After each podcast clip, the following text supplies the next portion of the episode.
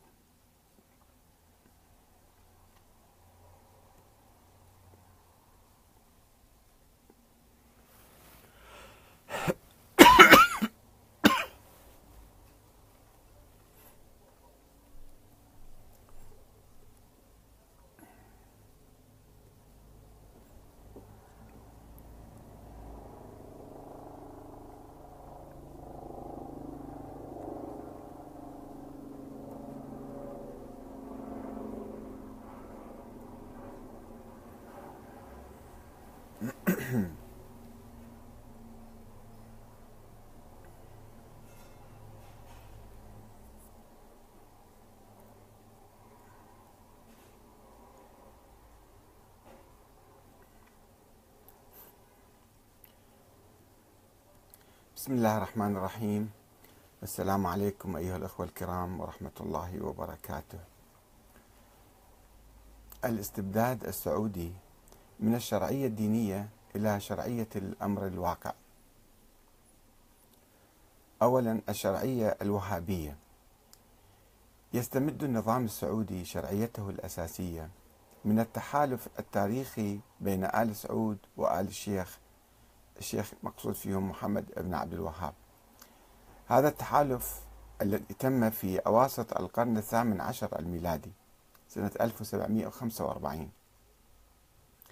عندما آوى محمد بن سعود أمير قرية الدرعية في نجد الشيخ محمد بن عبد الوهاب وحماه وتحالف معه على نشر الدعوة الوهابية حيث قال الشيخ للأمير في أول لقاء معه إن أهل نجد اليوم مشركون جاهلون ومقسومون ومختلفون يقاتل أحدهم الآخر.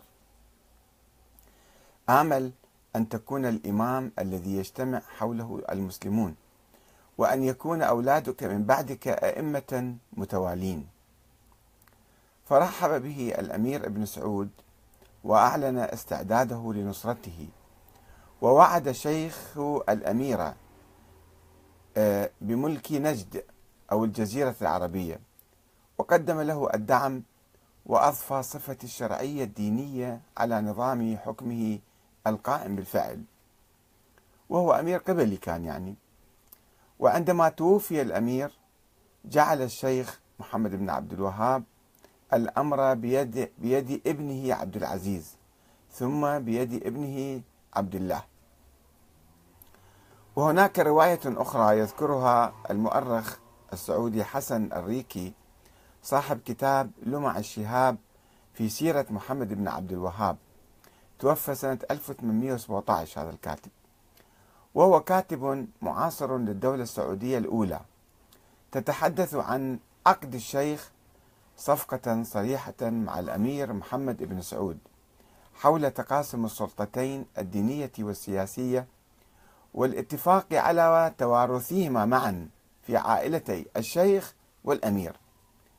وأن الشيخ قال لابن سعود أريد منك عهدا على أن تجاهد في هذا الدين والرياسة والإمامة فيك وفي ذريتك وأن المشيخة والخلافة في الدين في وفي آلي من بعدي أبدا بحيث لا ينعقد أمر ولا يقع صلح أو حرب إلا ما نراه كذلك. فإن قبلت هذا فأخبرك أن الله يطلعك على أمور لم يدركها أحد من عظماء الملوك والسلاطين. فقال الأمير ابن سعود قبلت وبايعتك على ذلك. وهذه الرواية تفسر التحالف التاريخي بين آل سعود وآل الشيخ. ذلك التحالف السياسي الديني العائلي الممتد حتى اليوم وتكشف في نفس الوقت أساس الشرعية الدينية التي يقوم عليها النظام السعودي وهو الدفاع عن الحركة الوهابية والوفاء لآل سعود والوفاء لآل الشيخ عفوا. ومن هنا تعتبر مضاوي الدكتورة مضاوي الرشيد ذلك التحالف بدعة سياسية وتقول أن الوهابية دعمت بدعتين من أكثر البدع السياسية المثيرة للجدل والمسيطرة في الوقت نفسه في الوقت عينه في التاريخ الإسلامي. وهما تتمثلان في الحكم الوراثي وفي الولاء التام للسلطة السياسية. وذلك في محاولة من الوهابية لحماية نفسها من إبطال الدعوة الدينية. فحرمت الجماعة المسلمة في نهاية الأمر من حقها في إبداء رأيها في المسائل السياسية. طبعا هذا البحث فصل من كتاب الشرعية الدستورية في الأنظمة السياسية الإسلامية المعاصرة دراسة مقارنة بين المملكة العربية السعودية والجمهورية الإسلامية الإيرانية. وهنا نتحدث عن النظام السعودي. شرعية القوة. وبالرغم من وجود مدارس سنية قديمة وحديثة تؤمن بالشورى أو الديمقراطية إلا أن النظام السعودي الذي قام على القوة والسيف اختار ما يناسبه من نظريات سياسية تؤمن بشرعية حكومة الأمر الواقع أو أو تبرر العنف أو تعتمد على الشرعية الدينية.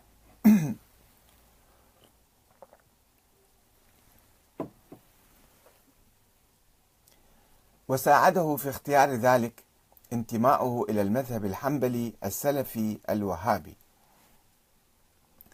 وقد استعرضنا في الفصل الثاني من الباب الأول من هذا الكتاب رأي الإمام أحمد بن حنبل الذي أصل لشرعية الحكام الذين يستولون على السلطة بالقوة وقال بوجوب السمع والطاعة لأمير المؤمنين البر والفاجر ومن ولي الخلافة. واجتمع الناس عليه ورضوا به ومن تغلب عليهم بالسيف حتى صار خليفة وسمي أمير المؤمنين. كما استعرضنا رأي الشيخ أحمد بن عبد الحليم ابن تيمية الذي يعتبر ملهم الحركة السلفية الوهابية الحديثة والذي ربط الشرعية السياسية بتطبيق الشريعة بغض النظر عن التزام الإمام بالشورى أو مجيئه عبر الانتخاب. وأكد على أن الإمام الذي يطاع هو من كان له سلطان سواء كان عادلا أو ظالما. وأفتى بجواز قيام الأنظمة السياسية على أساس القوة والقهر والغلبة ووجوب الطاعة للحكام الذين يأخذون البيعة كرها وقسرا. واستعرضنا أيضا أقوال مؤسس الحركة الوهابية الشيخ محمد بن عبد الوهاب. الذي ألغى جميع شروط الإمامة الشرعية التي كان يؤمن بها أهل السنة وقال بأن الأئمة مجمعون من كل مذهب على أن من تغلب على بلد أو بلدان له حكم الإمام في جميع الأشياء. ولم يهتم محمد بن عبد الوهاب كثيرا ببحث طبيعة الإمامة في الإسلام ودعا إلى طاعة الحاكم حتى لو كان جائرا